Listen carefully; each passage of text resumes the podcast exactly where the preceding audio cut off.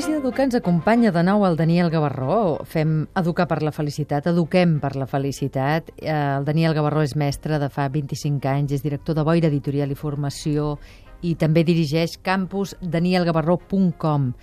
I avui la pregunta que li fem és fins on podem arribar com a pares, com a mares i com a educadors en relació als nostres fills, a les nostres criatures.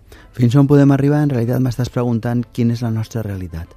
Perquè hi ha molta gent que està confonent, molts professors, moltes professores, molts docents, molts pares, moltes mares, que confonen la seva realitat amb el desig que voldrien ocupar sobre l'espai que pensen que seria l'adequat. Per exemple, hi ha mares i pares que consideren que la seva realitat és que els seus fills facin els deures. No. La teva realitat és, és animar els fills i les filles a que facin els deures. La teva realitat és que si no fan els deures hi hagi conseqüències. Però que el facin els deures? Tu no...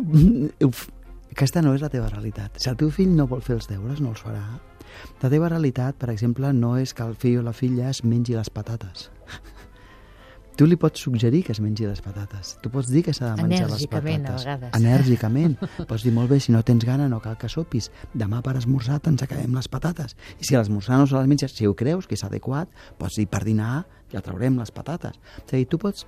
Hi ha àmbits que tu sí pots fer, però mastegar les patates només ho pot fer el fill o la filla. Això és molt interessant, perquè si tu ho acceptes, llavors no t'enfades. Aquesta enèrgicament és molt menys... És, és enèrgic però no és violent. Dius, d'acord, això no ho podem canviar. Si tu no ho vols fer, no ho fem. Però això té unes conseqüències. Llavors no em barallo amb ell, no, entenc que ell ha de fer la seva part i jo faig la meva i em pregunto de quina forma et puc ajudar més. Llavors et preguntes, val la pena que demà esmorzem patates o és una crueltat part meva? Jo aquesta pregunta no la puc respondre. Cada persona ho ha de saber.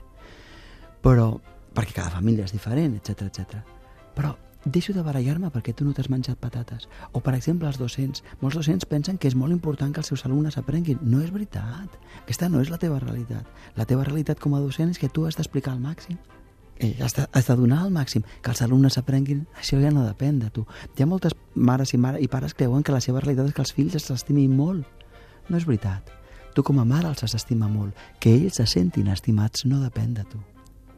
Llavors, sabent això, pot haver un fill que diguis perquè tu mai m'has estimat?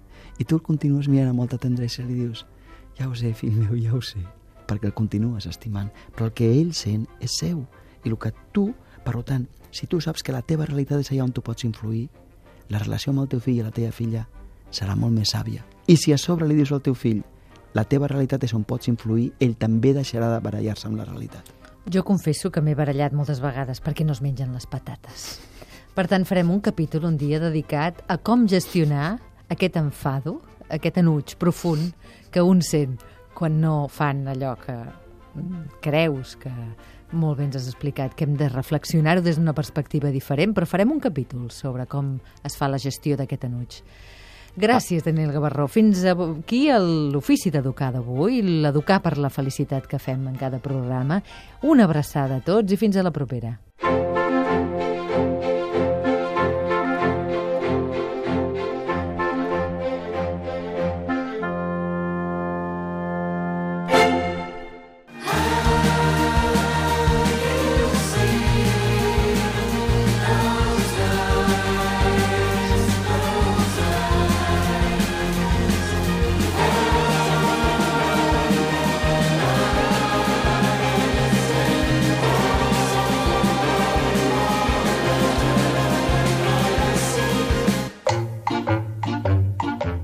Escolta, Jan, tu saps què és el nou paradigma de l'educació? Sí, pal. Ah, sí, ja, perquè he escoltat l'ofici d'educar.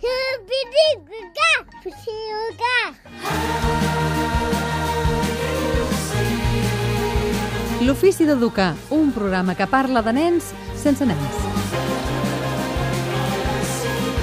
Ara que m'eduques, juga.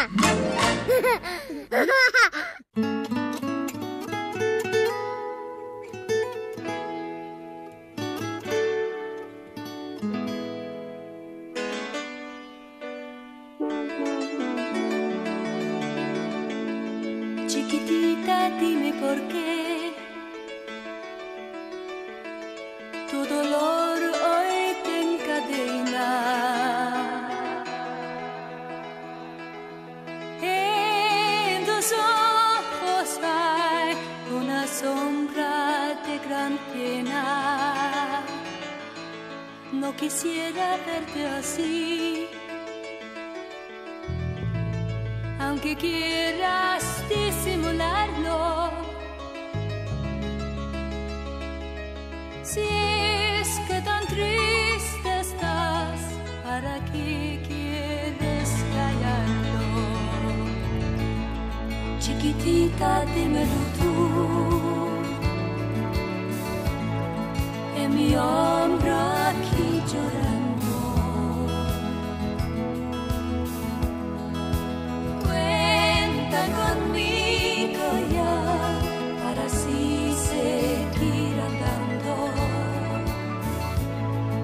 Tan segura te conocí.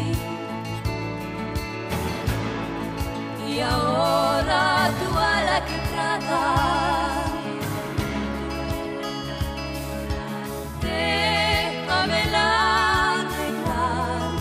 La quiero ver curada. Chiquitita,